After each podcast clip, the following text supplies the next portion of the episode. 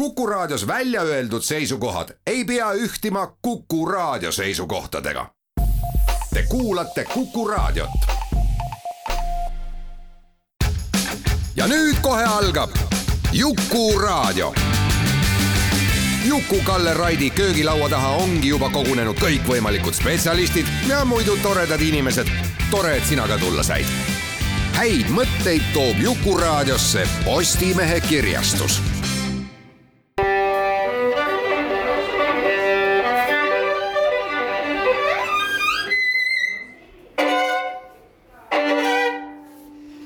Laku panni.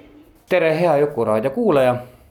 meid on tabanud neljasaja teine mm, Jukuraadio köögilaud.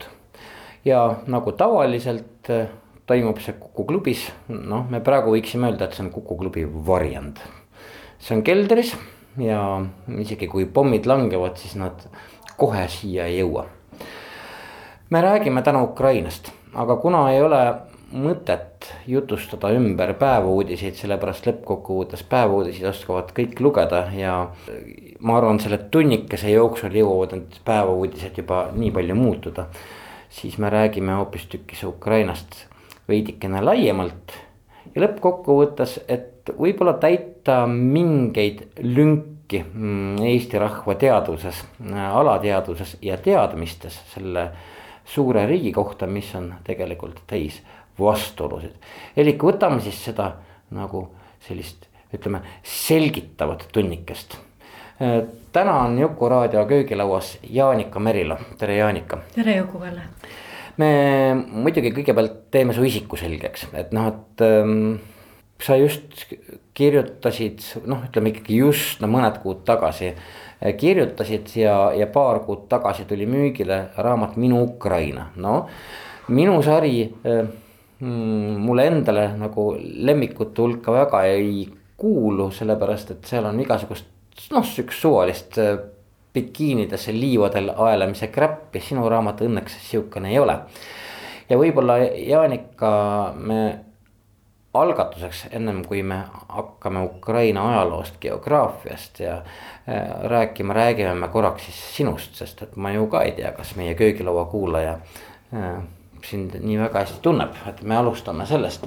et sinu Ukraina sidemed, kõigepealt alustame siis tööst, eks ole, sa öö, töötad Ukraina valitsuse heaks, hakkame siit peale ja siis natukene kandume ajaloos, sinu ajaloos tagasi.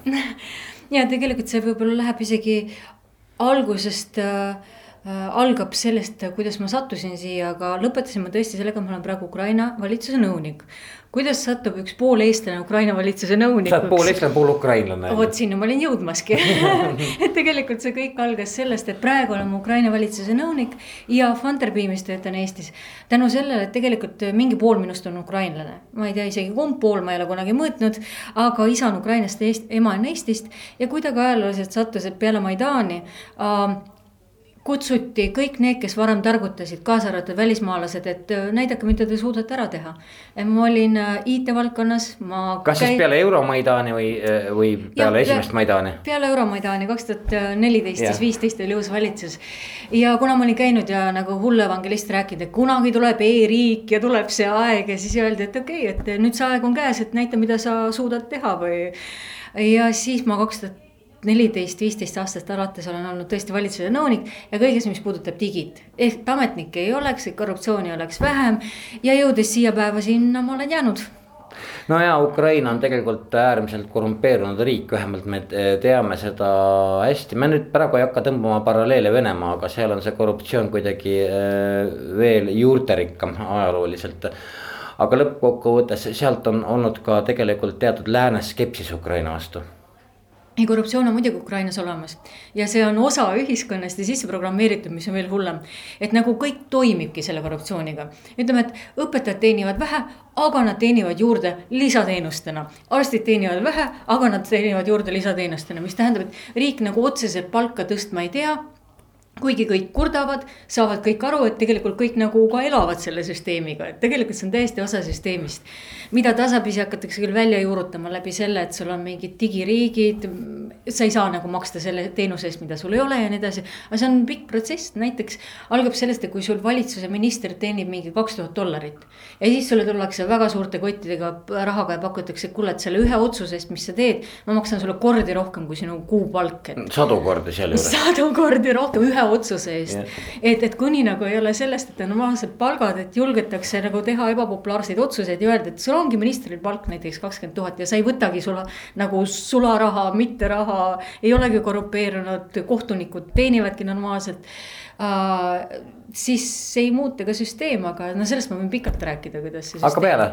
okei okay., no näiteks sul on äh, vaja saada professionaalid valitsusse, kes ei oleks mitte vabatahtlikud ühe kuu, vaid reaalselt töötaks seal sulle paratamatult tuleb maksta neile. okei okay,, esimese kuu nad on vabatahtlikud, teise peavad veel kuidagi vastu, kolmanda nad peavad hakkama seletama perekonnale, millest nad elavad, kuidas nad elavad, on vaja ka teenida. mis tähendab, et peab olema normaalsed palgad kui sul on ametnikel teatud kindel koefitsient, mis ütleb näiteks, et su palk on viissada dollarit, sa ei saa seaduse järgi tõsta. hakkavad tekkima need teemad, äkki peaks juurde maksma, kus ma maksan juurde, kuidas ma maksan, ma maksan sularahas kuskilt juurde. kus võtta sularaha tuhandetele, tuhandetele, kümnetele tuhandetele ametnikele, järelikult peab kuskilt tulema. kuidas see tuleb, järelikult peab keegi tooma, mille eest ta toob, järelikult mingite teenete eest. Ja no kogu see nagu vundament ongi üles ehitatud niimoodi, et üks hetk tuleb hakata seda lahti harutama sellest, et kohtud hakkavad toimima aga no küll me sellega tegeleme varsti edasi no ja praegu muidugi sõda, aga nagu ma ütlesin, päevuudisesse me ei kandu mm. -hmm. aga jah, seda lõngakõra tuleb muidugi hakata lahti arutama. Ukraina on väga suur riik, kui me nüüd võtame territooriumi, inimeste arvu ja, ja ka mentaliteedi. siis kas sa kujutad ette, kuidas või kust kohast seda saab äh, lahti arutama hakata? sest lõppkokkuvõttes üks päev on see sõda läbi, aga noh, siis jätkub ju igapäevane korruptsioon ülevalt alla ja alt üles ma ütlesin, et ülevalt alla selles mõttes, et kohtud peavad hakkama toimima. mis tähendab, sul peavadki olema kohtunikud, kes ei ole korrumpeerunud. õigussüsteem on põhiline, et sa kaitsed ära oma õigused. ja alt üles selles mõttes, et ikkagi digiriik, see, mis me teeme, on see, et sul ei ole lolle tõendeid. et sa ei pea seisma järjekordades, et selline väike korruptsioon kaob ära. eks me üks hetk saame keskel kokku. sa oled äh, antud äh hetkel küllaltki optimistlik, mulle tundub. ma olen tegelenud viimased äh, kaks aastat digiministeeriumiga, mis on selline uus, äh, uus amet, mis peab nagu lahendama kõik need väikse korruptsiooni asjad ära. ja tegelikult praegu üksteist miljonit inimest kasutab juba e-teenuseid Ukrainas, mis on täiesti uskumatu. et kolm aastat tagasi ei olnud midagi, praegu enamus inimesi paneb ennast arsti juurde kirja digiriigi kaudu, mobiili kaudu kehtib sul pass, mida Eestis ei ole reaalselt sa võid pass, mobiilis näidata oma juhilube, passe äh,, tudengi, ma ei tea, tõendeid ja nii edasi. ehk siis tegelikult see, mis on suudetud hästi kiiresti teha, on, on väga lahe, seda võib-olla ei ole praegu tunda ega näha kuskil ja me, meile kui Eestis näha, aga tegelikult see uus põlvkond tuleb peale, mis on lahe põlvkond, kes on sündinud nutitelefonides, kes nagu ei teagi seda vana aega, et kuidas, et meil on ju niimoodi kombeks, kuidas kombeks, ma sündisin kakskümmend aastat tagasi, ma ei tea, kuidas teil oli kombeks. ma arvan, et see põlvkond võibki muuta midagi ma, mul endal tuli praegu meelde, et tänu sõjale, see on üks nüüd Odessa naljand. ja üks Odessa humorist ütles, et noh, kui nii edasi läheb. ta pidas silmas nüüd siis küllaltki ühtset läänt ja lääne toetust. ja ilmselt see väljendub kõvasti ka ühel päeval rahas, kui see sõda on läbi. et oi, kui nii edasi läheb, siis saab Ukraina oma SKT korda no Ukraina saab ka Euroliitu kiirendusega, ma loodan sest seda ei oleks ka uskunud, et see ei. protsess võib nii kiiresti minna. ja selles mõttes muidugi Putinile suur aitäh, et kõike, mida ta üritas teha, kõik on vastupidi läinud praegu. ja integraator on ta ka olnud suurim, on ju, et selline rahva ühtsustunne, mis varem nagu oli see, et, et kritiseerima oma võimusid, nagu alati kritiseeritakse, et stopp, täna ei kritiseeri, homme tegeleme sellega edasi, aga täna oleme kõik ühtsad, et see on, efekt oli täiesti vastupidine, on ju ja, aga okei okay,, me jõudsime nüüd Ukraina ühtsuseni ja tegelikult mm, meie, kes me oleme äärmiselt väikeses riigis ja küllaltki monoliitsed, eks ole, arvestades ka mitte eestikeelseid inimesi, ikkagi küllaltki monoliitsed tegelased. siis Ukraina kohta seda öelda ei saa, et lõppkokkuvõttes Ukraina on kultuuriliselt mm, ikkagi jaotub hästi mitmesse ja mitte ainult geograafilisse, vaid mentaalsesse regiooni kõik regioonid on erinevad. mõttes, et on äh, miljonilinnad, kui me võtame Lvivi, täiesti Poola, Austria mõju all olnud ütleme, euroopalik linn jah. siis on Odessa, mis on täiesti nähtus omaette oma Odessa raadio ja huumor ja sa tead sellest väga hästi. Yeah.. siis on Kiiev, mis on ikkagi pealinn ja, ja oma kuldsete kuplitega ja siis on Dnipro, mis on kosmosetöötus, tööstuse pealinn, Harkiv täiesti piiriäärne on ju pigem venekeelne. et kõik need regioonid on täiesti nagu noh, mõnes mõttes riik riigis on ju. Äh,, samal ajal kui näiteks Lviv on rohkem katoliku usku, Harkiv on rohkem vene õigeusku, Lviv on rohkem ukrainakeelne, Harkiv on rohkem venekeelne. ja praegu ei ole mingit vahet, praegu on kõik nagu ukrainameelne. Ja, aga huvitav, et, et sa just tõid selle usumängu mm, -hmm. see on, mhm. see on Ukraina ajaloos äh, äärmiselt tähtis komponent just nimelt. et seesama katoliiklus, äh, õigeusk ja mitte ainult Ukrainas, see kipub olema kõikides slaavi maades, et usk on hästi suur osa identiteedist, mille nimel ollakse noh valmis tülitsema, eks ole, ja, ja Ukraina tõepoolest põkkub siin mm -hmm. sisemiselt hästi mitmetega no on ju tülitsetud ja see oli väga suur võit Ukrainale, mida nagu sisemiselt tunti, et nüüd on vabadus. kui oli Tomos ehk siis Ukraina õigeusu kirik lõi lahku Vene õigeusu kirikus ja mis oli tähtis, et mitte lihtsalt ei löönud lahku, vaid tunnistati ka, et tal on õigus kanda edasi seda püha vaimu, et see püha vaim ja see ajalooline pärand ja need kuldsed kuplid ja kõik need. on autokefaalia juba, eks ole. see ongi autokefaalia ja, ja et just, et see oligi tähtis, et see on autokefaalia, ehk siis, et sa saad nagu osakese sellest pühast hingest ka kaasa, et see on ametlikult kinnitatud nii-öelda, et mitte, et sa lööd lahku, vaid sa nagu saad kaasa kõik selle usupärandi nii-öelda. selle asja mõte oli tegelikult jah, see nii-öelda mitte lahkulöömine, vaid tegelikult pöördumine juurte juurde on Just. selle autokefaalia mõte. et lõppkokkuvõttes e, e, sellel näol on äh, vanast õigeusu kirikust hoopis Moskva lahku löönud, mitte siis äh, vastupidi. mille üle Ukraina on väga uhke, öeldes, et teate, et teie suurvürst üldse ristiti Kiievis siis, kui Moskvas olid sood ja noh, ja, ja, ja mõned soomugrilased seda, selle üle oleme meie uhked, aga nemad ignoreerivad seda väikest fakti e, loomulikult, aga äh, usk ikkagi, peatume korraks sellel usul. et äh, autokefaalsus, kiriku autokefaalsus oli üks punkt Ukrainas äh,, mis lõppkokkuvõttes äh, rahvast ühendas, sest nii naljakas, kui meile küllaltki ilmalikele eestlastele see ei tundu, siis ähm, seesama õigeusk või siis ka siis lääne piiri ääres olev katoliiklus äh, on kogu sellele territooriumile äärmiselt tähtis see on kuskil väga sügaval alateadvuses, rahvuslikus alateadvuses, traditsioonides, peretraditsioonides.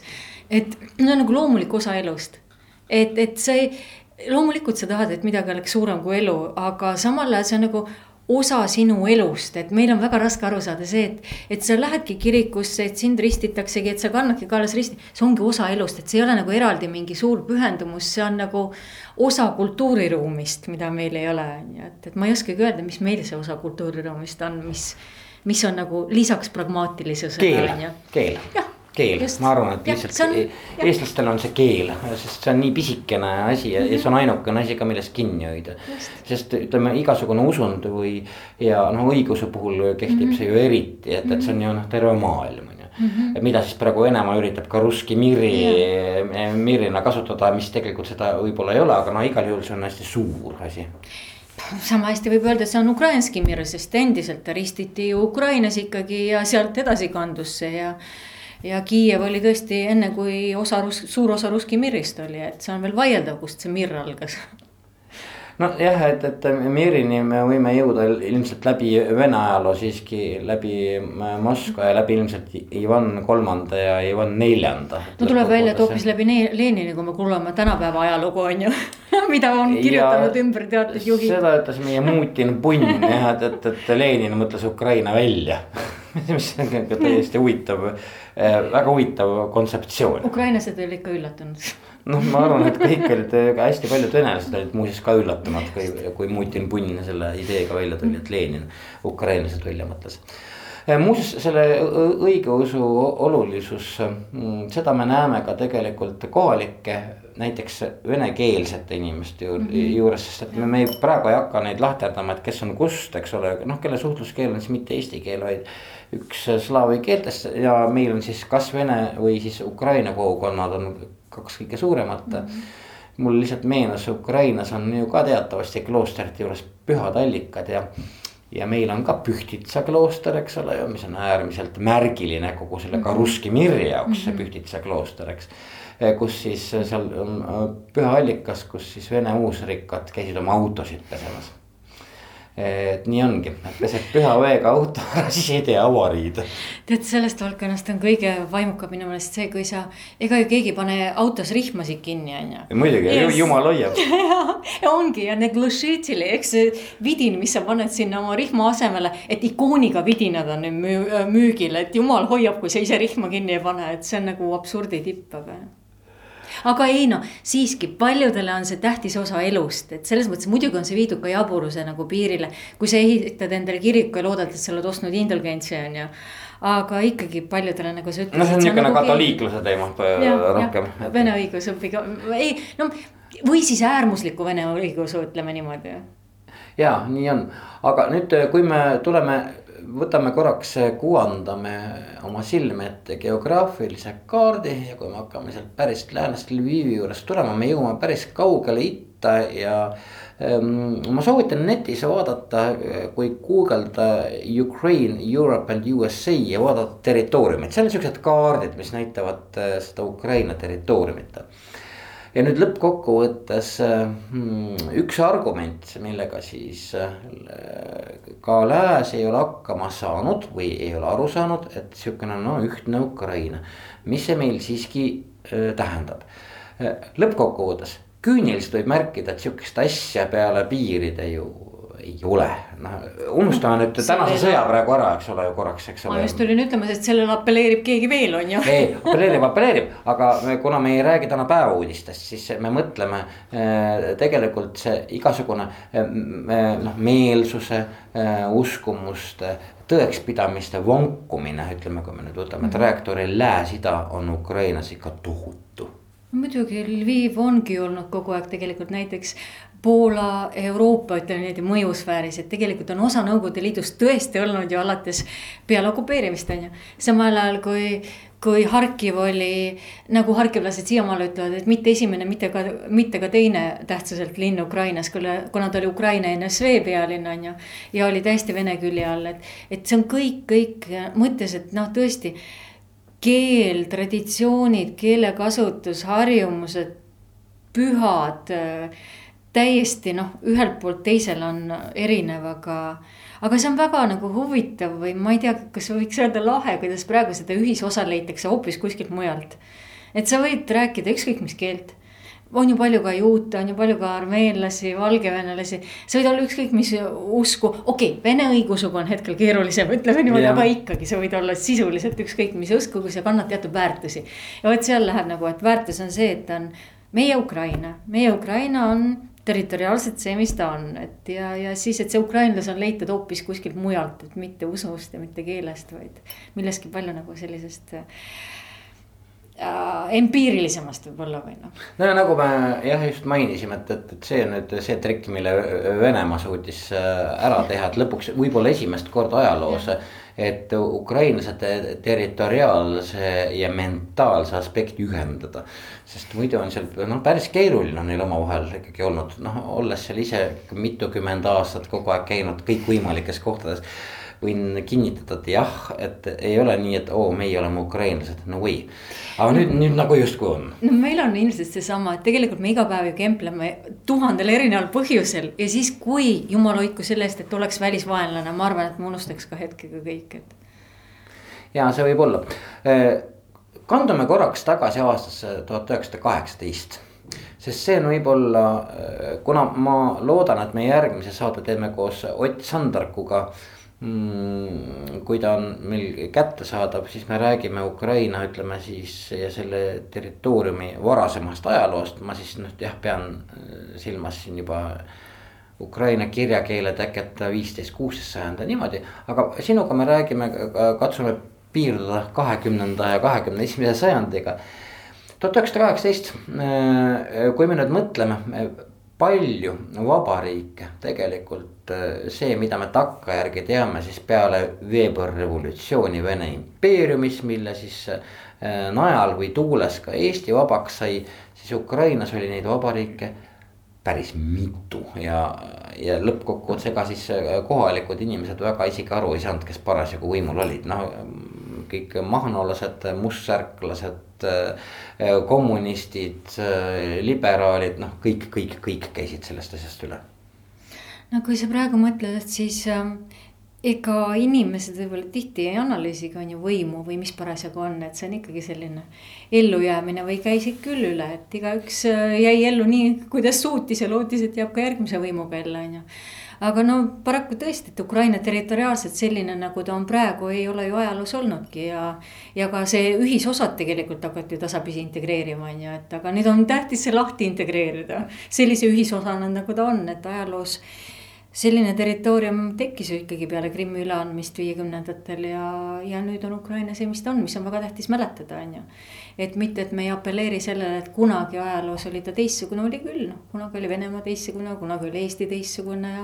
aga tähtis on see, et me peame lugu, et ta tekkis sellisena ja kujunes sellisena, nagu ta praegu on. ja kui ukrainlased ise leiavad seda ühisosa, mis on ju hästi tähtis, on ju, et. et sõltumata, kas sa oled idas või läänes või põhjas või lõunas, kõik leiavad, et meil on see ühine joon Ukraina, mis on mitte piiridega määratletud, vaid mingi vaimsusega, siis äh, kõik need katsumused hiljem ja muidugi ka väiksed ajaloolised vead hiljem, mis toimusid võib-olla peale kaheksateist või peale kakskümmend või eks neid on ajaloos ikka tehtud, on ju, et meil oli see kõik väga sirgjooneline, seal oli palju keerulisem, kuidas tekkis tänane riik, meil oli, on ju riigipiir ja riigi esimene vabariik ja neil ei olnud seda võimalust. Ja.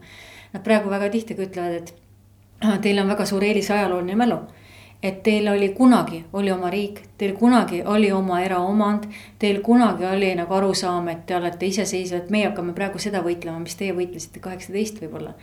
tõestada, et, et, et me ei ole mingi nagu keegi sinu särgi peal ütleb, et mitte ennast tõestanud. särgi peal on Muutinu punn absoluutselt, seesama, kes ütleb, et Ukraina ei ole ennast tõestanud või teostanud riik, et Ukra-, et praegu Ukraina tõestabki, et, et, et see ei ole territoorium, et see on, see tõestus on kuskil mujal, selles, et inimesed tahavad olla osa sellest, mis on praegu tekkinud kaheksakümne, kaheksateistkümnendal, neljakümne X järel ja nii edasi Ukrainaga veel üks huvitav asi, et kõikvõimalikud poliitilised filosoofiad on seal edukalt äh, juuri ajanud pidevalt, no see on nagu läbi segaduste no,. No, kohe, muidugi meenuvad kohe anarhistid, eks ole, muidugi. Äh, Kiiev, Lääne-Ukraina, kõik need jah, ma just mainisin Patka Mahnot on ju, anarhosündikalistid. mida kurat veel, et, et see noh, Patka Mahno lipp oli lihtsalt must lipp, põhimõtteliselt maa-merereeglid, eks ole ja nii edasi. stussid ja muu on ju no. ajaloos on, ajalugu on kirju olnud jah. aga no annandeks meie ka praegune ajalugu mahutab ka väga väga üllatavalt kirevaid isikuid, kes isegi Ukrainas praegu ei ole. Et nagu vaadata ikka praegu väga selliseid pigem sorry natsionalistlikke meelsusi, siis Ukrainas pigem selliseid ei ole. kui vaadata meie teatud poliitikuid, kuidas nagu väga on rahvusvaen siis äh, Ukrainas isegi kui. sa räägid EKRE-st? no muidugi ma räägin EKRE-st, näiteks, näiteks EKRE-st mm, -hmm. siis sellist asja ei luba isegi Ukraina poliitikud endale, et see piir läheb ikka kuskilt mujalt, et see ei ole enam sõnavabadus ja Ukrainas on kuidagi üllatavalt vähem sellist nagu viha. Kuule, sina kui poolukrainlane mm, -hmm. kuna sina märkasid, et ukraina keel muutus Ukrainas oluliseks, täitsa huvitav, et kas sul on mingi empiiriline kogemus, sest ma täpselt mäletan, et paarkümmend aastat tagasi see ei olnud tähtis. ausõna, uskuge mind, köögilaua kuulajad, see ei olnud tähtis praegu on ja, ja ma arvan, et esimese Maidanil ma panin äkki tähele, et Kiievis hakati. Äh, Kiievis hakati rääkima, aga kuidas sinu kogemus ütleb, et see on nagu täitsa huvitav? ei, nii oligi, nii oligi tõesti, esimese Maidani ajal hakati Kiievis, siis see kuidagi. aga tead, isegi praegu veel tohutult palju rohkem, et siis algas see protsess võib-olla, kus oli tunne, et, et okei okay,, et okei okay,, rahvus, me ei diskrimineeri rahvuse järgi.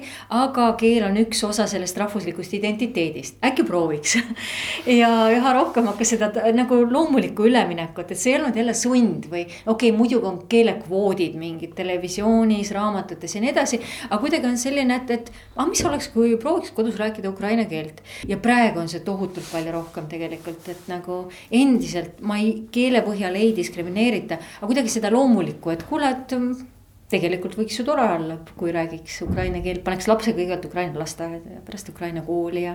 siis tuleb laps ja räägib sinuga kodus ukraina keelt. ja siis see mõte ka, et, et ma ei ole mingi nõme hoholl mm -hmm. või väikevenelane mm, -hmm. me ju teame, et, et äh, ütleme, vene keele ametlik koolkond on alati pidanud siis seda nagu ütleme seda ukraina keelt niisuguse matsi või noh, talurahva siukse noh, las jobisevad seal midagi. oma noh kentsakase murdes, et niikuinii on ükskõik vene keel on ju, aga noh, et, et noh, ah poogen, las taludes jobisevad, aga üldiselt, et kui me tuleme suurde linna, siis me vabastame teid mm, sellest kohustusest rääkida ukraina keeles aga ju keeli tapeti ja hävitati igal pool, kui vaadata meie soome-ugri keeled, kui paljud surid sellele, et nagu eh, diskrimineerimine, võta pass ja sa oled ikkagi nagu teine kuidas, ma ei ütleks alamliik, aga no igal juhul minu ema eh, on ju Tartu Ülikoolis ja tegeleb vadja keelega.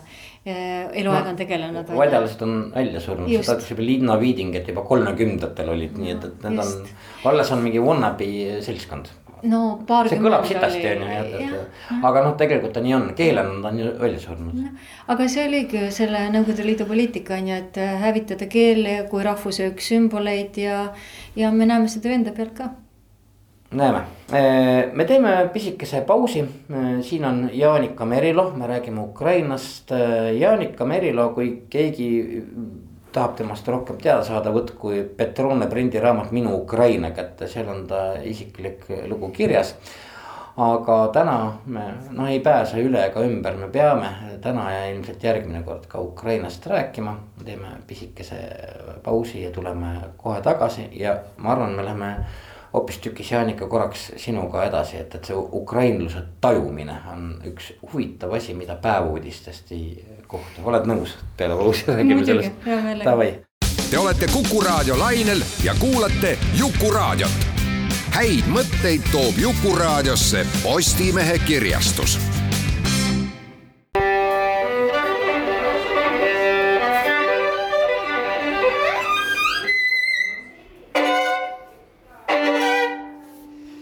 Laku panni. jätkame Jukuraadio neljasaja teist saadet, Jaanika Merilo on meil stuudios. kes esimest plokki kuulas, teab Jaanika on osaline Ukraina valitsuses IT-valdkonnas nõunikuna ja siis äh, minu poolt ka soovitusena tal, tema kirjutatud raamat Minu Ukraina lubaduste maa on selle äh, Petrone prindi raamatu nimi ja ja just nimelt, et kes nüüd esimest plokki kuulas, et me, me katsume piirduda Ukraina ajaloos kahekümnenda ja kahekümne esimese sajandina, aga üks äh, suur asi, mida ma tahaksin, et võib-olla sa selgitaksid äh, siin köögilaua äh, kuulajatele, on see ukrainluse tajumine. et sul isa on ukrainlane, et me enne rääkisime, geograafiliselt on seda ukrainlust tajutud Ukraina territooriumil, jälle kuvandame endale ju kaardi, see on hiigelsuur päriselt ka, et lõppkokkuvõttes.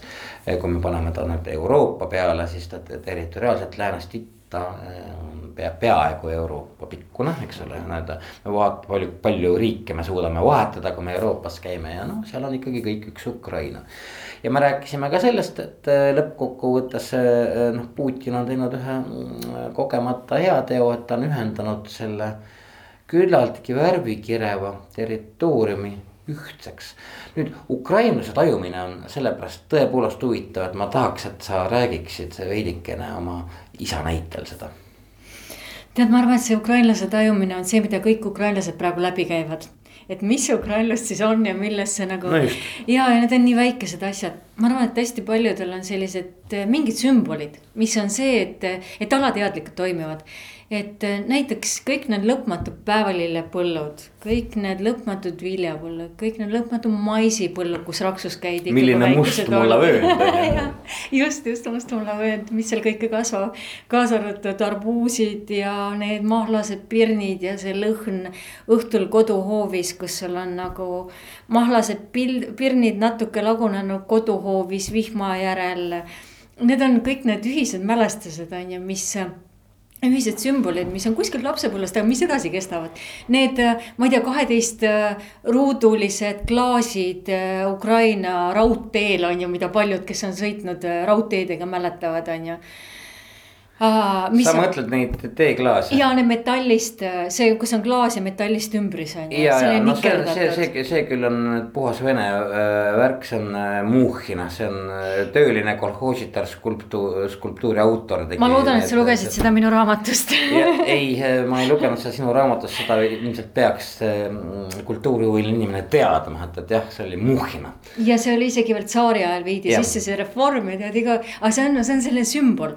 iga kord, kui keegi proovib reformida raudteed ja ütleb, et meil on teile hea uudis, me teeme nüüd pabertopsid, siis kõik küsivad, et kuulge, kas te Kus... raudteed ei ole ära reforminud, et ärge klaase puutuge. jah, just nimelt. Et jah, need on need väikesed sümbolid on ju, mis on kuskil sellises salateadvuses ja muidugi keel, muidugi võšimankad no tead, Borscht on ka, aga see on pigem selline. me seletame Võšivanka nüüd ka lahti praegu sellepärast, et, et kõik köögilaua kuulajad ei, ei, ei ole selle stiiliga kursis lihtsalt. Ukraina mustritega Särg, särgid ja, kus on tihti valge särk, selline valge linast särk, kus on punase mustriga, sellise rahva mustriga see on see, mida, mida just Ukraina president ähm, arvas meie presidendi kohta, et see Võšivanka sobib meie Alar Karisele hästi no aga sobis ju hästi. no sobis küll, ega ei saagi vaielda no seda arvas ka meie president, meie teine president ka arvas ilmselt seda on ju. et, et, et see identiteet või see ukrainlus tekibki läbi nende ühiste mingite mälestuste ja samade sümbolite ja samade filmide ja muusika ja mälestuste, isegi kui sa oled praegu noor ukrainlane, kes sünnib Ukrainas on ju, sa ikka nagu elad natuke seda läbi, et sa sõidad kasvõi autoga, okei okay,, sa ei sõida enam selle rongiga, sa sõidad autoga välja, sa näed neid lõpmatuid päevalillepõldusid ja Need väiksed asjad tead, et noh, miks mul on ka raamatu peal see pilt, et need päevalille, jah. päevalilleväli, et need ongi need, äh, see ukrainlus, mis koosneb miljonist väikesest sümbolist ja sellest okei okay,, Jaanika, aga mm, sa kas ei kuulanud äh, seda küsimust või, või sa. Läksin nostalgiasse. või, või ei, no see on, nostalgia on ilgelt äge, aga, aga mind tõesti kui eestlast, kellel on Odessa juured by the way, aga mis ei tähenda muidugi, et, et, et see on Ukraina rahvus, eks ole, nagu me just siin oleme tuvastanud, et see ei pruugi seda tähendada su isa, et kuidas sa ise selle ukrainlusega äh, kokku puutusid või, või seda ukrainlust noh, ütleme tajuma hakkasid, näiteks kui sa olid noorem. et see on see huvitav asi, mis mind päriselt nagu huvitab erinevate põlvkondade vältel, teades äärmiselt erinevate põlvkondade ukrainlasi. no ega noh, ega kuulaja annab andeks alates vanamutist, mis on tegelikult minu meelest hellitussõna kuskilt Hersonnesist, kes on kaheksakümmend kuni siis praeguse kahekümne aastase inimeseni. nii see geograafiline, kultuuriline teekond on kõigile võimaldanud eriteekondi, ma tahan nüüd praegu teada sinu perekonna teekonda, see ukrainlus, ukrainluse registreerimisest või? Mu ukrainlus registreeriti umbes siis, kui mu ema ja isa Peterburis tuttavaks said siis registreerus see, et sündisin mina, kes olen poolukrainlane. ja mu isa on pärit tegelikult Kamenets-Podolskist, mis on Mold Moldova piiri lähedal. ja mis on selline päris noh, ukrainakeelne piir. see on ka peaaegu Odessiit, see ei ole Odessast üldse kaugel. ja, ja see on ka selline keeruline piirkond heas mõttes on ju, Odessa on eriti selline äh, läbi põimunud erinevatest kultuuridest ja no, rahvustest ja huumoritest. see on ju äh, Türgi äh, Adjubei oli Odessas, on tegelikult türklast asutatud küla no,. lõppkokkuvõttes, eks ole ja aga edasi mind jäeti suveti alati kuskile ka Menespadolskisse või Tšabanesse, mis oli tõeline küla Kiievi lähedal, no selline korralik küla, kus olid need maisipõllud ja arbuusipõllud ja. kitsed ja barakid ja kõik muu selle, mis kuulus Ukraina juurde. ja ega ma vist nagu rääkisin ukraina keelt alati, räägin siiamaale isaga ainult, ainult, ainult ukraina keelt. Ja kohustuslik kirjandus oli alati Ukraina ajalugu või Ukraina kultuur aga ega sa ei mõtesta seda, on ju, nagu enamus ukrainlasi, enne kui tekib mingi olukord, kus sa pead nagu. muidugi ma olen alati olnud ukrainlane, natuke, natuke eestlane, aga no kui sa küsid sellise nagu teekonna kohta, ega sa. teekonda hakkadki mõtestama siis, kui mingi. see oli lihtsalt sellepärast, et Jaanika, sa oled ju Eestis ja, ja eestlastele on see hästi ära mõtestatud, et, et jumal küll kõikidest lollidest müütidest, muistsest vabadussõjast ja blä-blä-blä-blä-blä-blä-blä-blä on ju. et noh, mis ei pruugi ja ei vasta ka ajalooliselt tõele mm., aga seda teekonda ju ütleme siis eestikeelsel inimesel ei ole mis on ukrainlasel? No müüdid on tähtsad, on ju. ei no ukrainlase teekond algab ilmselt ikkagi, no minul algas ukraina keelest sellest, et ma kogu aeg kasvasin ukraina keeles. sellest, et ma kogu aeg elasin Ukraina ja tegelikult kultuuriruumis ja isegi mu venekeelsed sugulased, kelle juurde mind. no Kiievi lähedal on ikka vene keel yeah., on ju. et siis nemad sunniti ka üle minema ukraina keelele, kuna nüüd tuli Jaanika et tegelikult oli kogu aeg selle definitsioon, et kui on Jaanika, siis on Ukraina. ja siiamaale ma ei, ma ei kujuta ette, ma isaga räägiks sõnagi vene keelt, no see on kuidagi nii nagu noh, mitte, mitte nagu arusaadav. aga ei no ega sinna kuulus ju kõik juurde, kõik need pühapäevased kirikuskäigud ja kõik need äh, maisipõllud ja kõik see, kõik see Ukraina teekond ja noh, ega see identiteeti ju ei, ei mõtesta enne, kui sul on murdepunkt mingi ja noh, paljudel oli murdepunkt Maidanid. ja see, et sa pidid nagu aru saama, et ma olen, jah, ma olen ukrainlane jah, see on osa minust, ennem seda see oli loomulik osa sinust, sa noh, nagu sa oled eestlane, sa oled eestlane, aga sa kuidagi ei pea ju noh suurte tähtedega seda mõtestama, on ju. oh issand jumal, vaata ringi, mõnikord sõidavad autodega sinimustvalge lipp antenni küljes ja organiseerivad mingit kuradi kolonni Toompeale. kes on nagu väga kindlalt eestlased midagi. ma ei tea, kas sa pead vaata no Eest-, ju siis nad defineerivad ennast eestlasena, aga ma ei, mulle jääb natuke arusaamatuks see marueestlus nagu ka maru igasugune rahvuslus tihti ja vai, aga üks asi tõepoolest, nii sinul tõepoolest perekonnas oli nii, et, et isa kõneles ukraina mhm. keeles mm, -hmm. aga ma mõtlen, äh, võtame selle natuke laiemalt.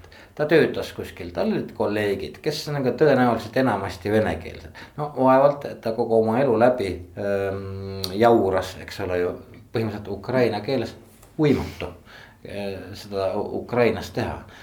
et eh, ma nagu, ma mõtlen nagu selle peale, et kuidas ukrainlus sellest asjast ise on aru saanud ja, ja kuna ma ei tea, siis ma küsin sinu mm -hmm. käest, sa tead ilmselt rohkem sellest no kui nüüd rääkida täitsa oma loost, siis see oli veel keerulisem, sest isa kolis ära Ukrainast, äh, läks Peterburi ülikooli. ta sai kunstnikuks, filolo-, filosoofiks, selline keeruline kombinatsioon. lõpetas Peterburi ülikooli ja tegelikult minu lapsepõlv meeldis niimoodi, et talved olin ma ka vahepeal Peterburis, nii et tal oli veel eriti mitu sellist kultuuriruumi. et aga jälle ta on noh tead, see on nii väikesed asjad, näiteks kui sul küsitakse, et okei okay,, et rahvus, et no kui siis mängib jalgpalli, ma ei tea, Eesti ja Soome, kelle poolt sa oled, muidugi sa oled Eesti poolt. kui siis nagu on murdepunkt, kui sa valid, kas sa oled Ukraina või Vene, kes võib olla? Savi võib ükskõik võib ka olla. savi võib, tead, noh, on mingid sellised sümboolsed asjad, kus enam ei ole savi. no sa ütlesid jalgpall, hea tein, küll, äh, sorry, ma, ma segasin sind kogemata. ei, see oli lihtne näide, ma mäletan, kuidas Soomes lihtsalt töö juures mul küsiti, et okei okay,, et kui sa ei saa aru, kes sa oled, et no näiteks nad mängivad jäähokit või jalgpalli, et no see on murdepunkt on ju. et ma teen natuke muidugi nalja, aga, aga uuesti, no ega sa ei mõtesta oma teekonda, et ja isa eh, muidugi ta räägib rääkis vahepeal töö juures vene keelt, palju rääkis töö juures vene keelt. see ei muuda identiteeti kuidagi, et sul on teatud väärtused, sul on teatud nagu DNA, sul on teatud sisse harjutud äh,, ei noh, see on loll väljend. sisse harjunud mingid nagu uskumused, sul on mingi maailmapilt, et, et, et see, et sa räägid vene keelt, nagu me rääkisime, see ei defineeri maailmapilti, on ju, et sa võid rääkida küll vene keelt, mis siis, see ei muuda su väärtusi, on ju. ja, ja minu jaoks ka, ega ma ennem ei mõtestanud, enne kui ma sattusin Ukrainasse Maidanile ja mujale, siis kui sa valisidki poole, tegelikult valisidki poole ja praegu sa ka valid poole, on ju, ja siis. ja kui enne sa oled kogu aeg olnud ukrainlane, olnud eestlane, siis sa oled seda olnud, aga siis sa ütled kõva häälega välja, et jah, noh, mina olen ukrainlane ja see koosneb miljonist asjast.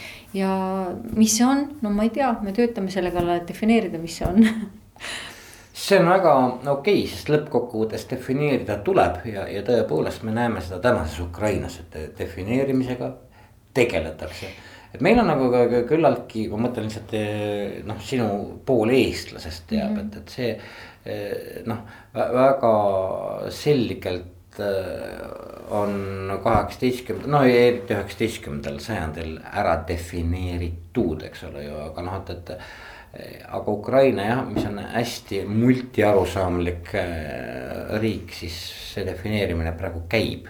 see on muidugi põnev no vaata ära defineeritud. Sa oled inimene, kes sünnib mingil aastal mingis linnas ja sinu jaoks ei ole ära defineeritud, sa hakkad seda teed ise leidma, on ju et mis on need rahvuslikud sõnumid ja sümbolid sinu jaoks? no oletame ikkagi nii, et, et ma sünnin kusagil ja ma olen kellegi laps ja need on ära defineerinud, nii et, et lõppkokkuvõttes saad mingi süsti kaasa. ma, pidasin selles silmas, et ütleme Ukraina, noh, kui me nüüd täna võime rääkida Ukraina-meelsest kasvatusest ja näiteks ütleme inimeste puhul, kes on kahekümne aastased, siis nad ei pruukinud seda ju tänases mõistes absoluutselt saada, kuna sellele ei pööratud tähelepanu. no ikka saadi see süst kaasa, no see ei ole päris mustvalge, et no ega see ei ole ju niimoodi, et Ukrainat ei olnud nelikümmend, viiskümmend, kuuskümmend aastat tagasi, ikka oli ju.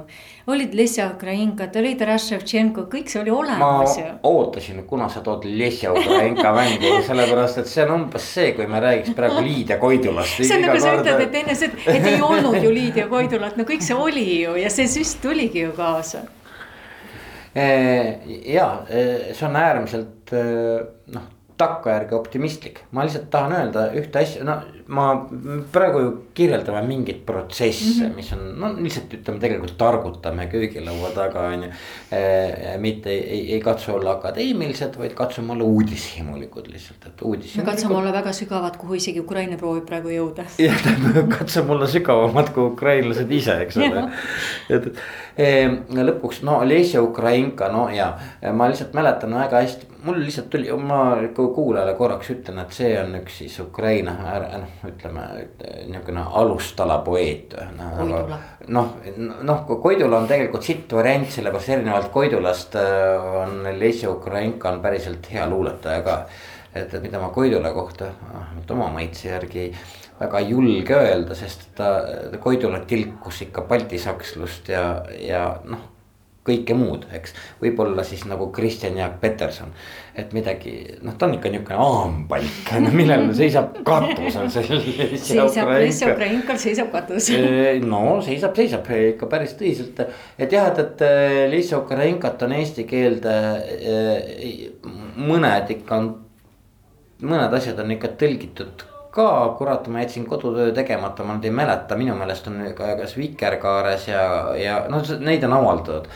aga pagan, ma katsun Juku-raadio Facebooki küljele need üles otsida ja panna lihtsalt kuulajale see on äärmiselt oluline, et, et me lõppkokkuvõttes läheme nüüd mingite aambvalkide juurde ja me aga mis oli väga oluline, et paarkümmend aastat tagasi ma võisin täiesti rahulikult minna Kiievis kultuuri ajakirjanike klubisse, ma ei tea, kurat, kirjanike klubisse kuskil. kus võeti rõõmsalt äh, mädareid ka viina nagu ukrainlastele kombeks, eks ole. hammustati külma lauda peale ja Lesja Ukrainkast äh, võib-olla teadis midagi ikkagi võib-olla iga kolmas inimene, eks. et ta on nagu teinud mingi väga hüppelise reinkarnatsiooni. Ja see on jälle see tajumine, mille üle me targutame ra-, rahvuse tajumine. no aga lähme siis veel tagasi, kui rahvuse tajumine, see, et süsti kaasa. no olid ikkagi kasakad, oli ikkagi Zaporožski Sitš, oli ikkagi Kiivska Russ ja nii edasi, et see ei ole see, et teda ei ole kunagi olnud, ta on alati olnud, on ju sümbolites. muidugi, muidugi, aga kas kasakad, et, et noh, et, et, et kuivõrd seda ka, ka, ka, kasakad pidasid ennast ka nagu ütleme, odessiidid eraldi planeediks, liikuvaks, hobustel liikuvaks planeediks, eks ole. no see planeet on osa identiteedist, praegusest no, et kõik need Hortitsa kindlused ja kõik need. no ja me teame ka, et, et kasakad olid äh, ikkagi Vene tsaari teenistuses, nii et, et seal on jälle need vastuolud. kust ristiti Vene tsaar? Ukrai-, Kiievis et see põimub läbi ajalugu ja juba pikka aega. põimub, põimub ja, ja, ja selles mõttes see ongi hästi, hästi huvitav trip praegu tagasi mõelda nende tänaste vastuolude peale. Et lõppkokkuvõttes ähm, me isegi väga täpselt ei tea äh,, mil moel ukraina ja vene keel lahknesid mm. -hmm sest mm -hmm. ütleme mõlemad, noh, kui me nüüd läheme Ukraina keele juurde tagasi ja vene kirjakeele juurde tagasi mm, -hmm. siis me saame rääkida, et see on ähm, Vana-Bulgaaria keelest pärit, eks ju, mõlemad. Jah, nagu ka usud lahknesid mingi hetk on ju iseenesest, et kui vaadata vene õigeusk, Ukraina õigeusk, väga palju on läbi põimunud, on ju. on, identiteedi otsing on see, mida sa ütled tänase Ukraina kohta. jah et just nimelt see defineerimine, identiteet on olemas, aga kui sa küsid, mis seda määratleb yeah., vot just nende osade. et, et lõppkokkuvõttes, et, et, et ukrainlane ise õpib kirjeldama, mis ta on, mõtled midagi sihukest või? Jah, et see, et kui sa küsid, et no mis sinust teeb ukrainlase no., no me saime aru, on ju, et keel päris ei tee, sest sa võid olla ukrainlane, rääkida näiteks vene keelt mm -hmm. või olla juut või nii edasi. usk, no usk nagu ka päris ka ei tee, on ju, no territoriaalne terviklikkus, noh ka nagu päris ei tee, on ju, et, et sa olid varem Poola või sa olid varem Venemaa. no ega see ka ei tee, et see ongi see, et, et mis on need sümbolid, on ju, või mis on need kontrollküsimused, ütleme niimoodi. me saime praegu korra päevalilleväli, lõhnavad pirnid Krimm on osa Ukrainast. Mingid nagu ma teen nalja, kontrollküsimused, mis nagu on osa sinu identiteedist ja millesse sa usud ja mingid väärtused on ju? Jah, ja muuseas ka siin võib kohe selle Krimmiga parandada ära vea, et, et sellel dokumendil, millega ehm, Krimm Ukrainale ütleme Nõukogude Liit elik Vene Föderatsioon andis, seal ei ole Hruštšovi allkirja, et, et see tegelikult jah, ei ole Hruštšovi antud. jah, see on legend nagu kõik see nagu. no kaua me siis ajaloost tagasi lähme, on ju, et, et kui me hakkame pöörama tagasi ajalugu, no mitu sajandit tagasi me siis pöörame, et noh Krimm on osa Ukrainast. no see on see jah, tore anekdoot, mis mm. praegu meemina levib, et, et mongolid olid rõõmsalt üllatunud, kui Putin ütles, et ta tahab taastada ajaloolise, ajaloolised piirid, eks. nagu praegu on tehtud kuskil Twitteris Krimmi konto täiesti ametlikult regatud ja kes, mis ütleb, et mulle tundub, et ma olen lähemal Ukrainale kui mõned aastad varem et äh, jah, need on mingid põhi sellised kontrollküsimused, nagu me teeme nalja, et mis näitab su väärtusi.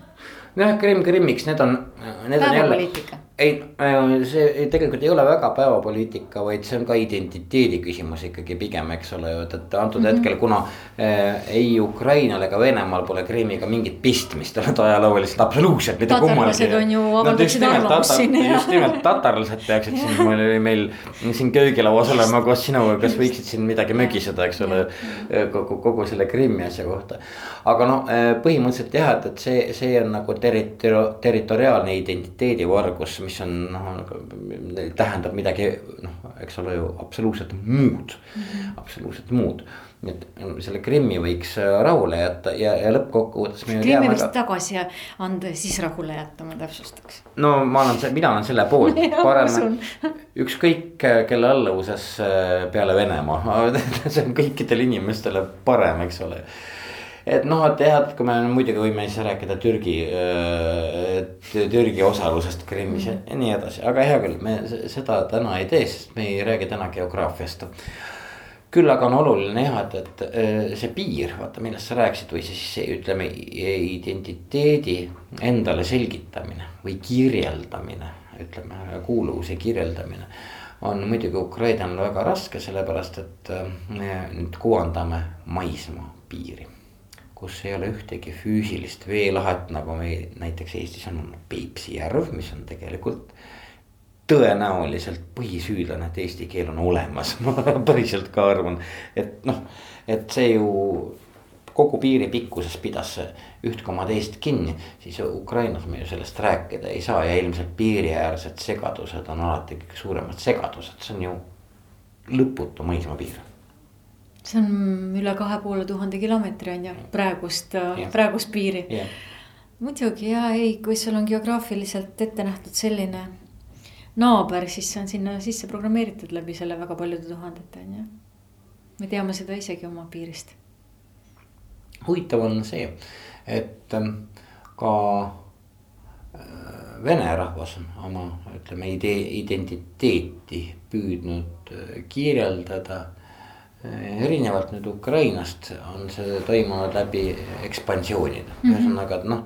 me ju teame neid kuulsaid lööklauseid, mis pärinevad ikkagi narodnikutest üheksateist sajand ja et, et, et iga ma ei tea, ruutmeeter, kuhu on astunud Vene sõduri saabas, see ongi Venemaa on ju. mida siis Venemaa riigiduuma liikmed harrastavad ju siiamaani korrutada, noh mm -hmm. isegi sellest suutis ikka täiesti korraliku anekdootliku vormi tekitada see. Žirinovski muidugi kurat, sõger nii, nii ta on jah. ei no impeeriumi alustala on laienemine ja ekspansioon ja ja see on nii kurb, et nagu rahvuse osa identiteedist on see, et me võime nälgida, me võime kartulikoori süüa, me võime. Meie külmkapp on tühi, meie lapsed on õnnetud, aga see-eest näete, me võtsime Krimmi. see on nii. see peaks meie tuju heaks tegema. jah, et kas nüüd tõesti läks siis paremaks, et no. selles mõttes Krimm ei kõlba süüa tegelikult. jah. nii on kuule, ma vaatasin, meie köögilaud lõpeb ära, uudised lendavad peale Jaanika Merilo on äh, tänases Jukuraadios, muidugi me rääkisime Ukrainast, me katsusime mitte minna päevapoliitikasse, aga tõesti üritasime veidikene identiteeti lahti muukida lihtsalt sinu abiga, kes sa oled äh, poolukrainlane, samas öeldes, et sa ei tea, kumb pool sinust ukrainlane on, on ju. See on väga tore, et, et see sõltub kummalt poolt vaadata ka, eks ole. ma olen väga uhke mõlemate poolte üle, kas risti või põiki väga äge ja ma päriselt soovitan ka, et äh, võtke Jaanika Merilo raamat Lubaduste maa. see on siis minu sarjas, Petrona prindis, see on siis Minu Ukraina, on siis alapealkiri Lubaduste maa. Äh, me mina luban kindlasti, et me tuleme Ukraina päris varajasse ajalukku tagasi. Kui nüüd mitte järgmises Jukuraadios, siis ülejärgmises kindlasti, siis ma tahtsin siia kutsuda jah Ott Sandraku. et võtaks ikkagi siis võib-olla üheksateistkümnendast kuni kuueteistkümnenda sajandini lahti geograafia ajaloo. lihtsalt, et maalida mingi kaart, päevauudiseid oskavad ju kõik ise lugeda. Mis aitab võib-olla siis lahti lahti kuidagi kodeerida seda, mis Ukraina täna on. Jaanika, ma väga tänan sind, et sa viitsisid siit Kuku klubist läbi astuda. ootan huviga järgmist saadet, suur tänu! No väga hea. Imeline, kuulge sõbrad, me oleme kõik Ukraina poolt ja ma omalt poolt lisaksin, et Mutin on punn, ma ei tea, sa ilmselt sekundeerid sellega sest me, me ei tahaks, ropenda ju, eks ole. ei, ma tahaks Vene laeva lihtsalt meenutada, aga me ei ropenda. Vene, ei, Vene laeva võib küll, sõjas on ropendamine lubatud Russki või enne karabil idi nahhui. et selle optimistliku teatega me lõpetame ja loodame, et, et järgmine nädal on see sõda juba läbi. vähemalt hoiame pöialt. olge tänatud kuulamast, Jaanika Merilo oli köögilauas. suur-suur tänu, väga oli väga huvitav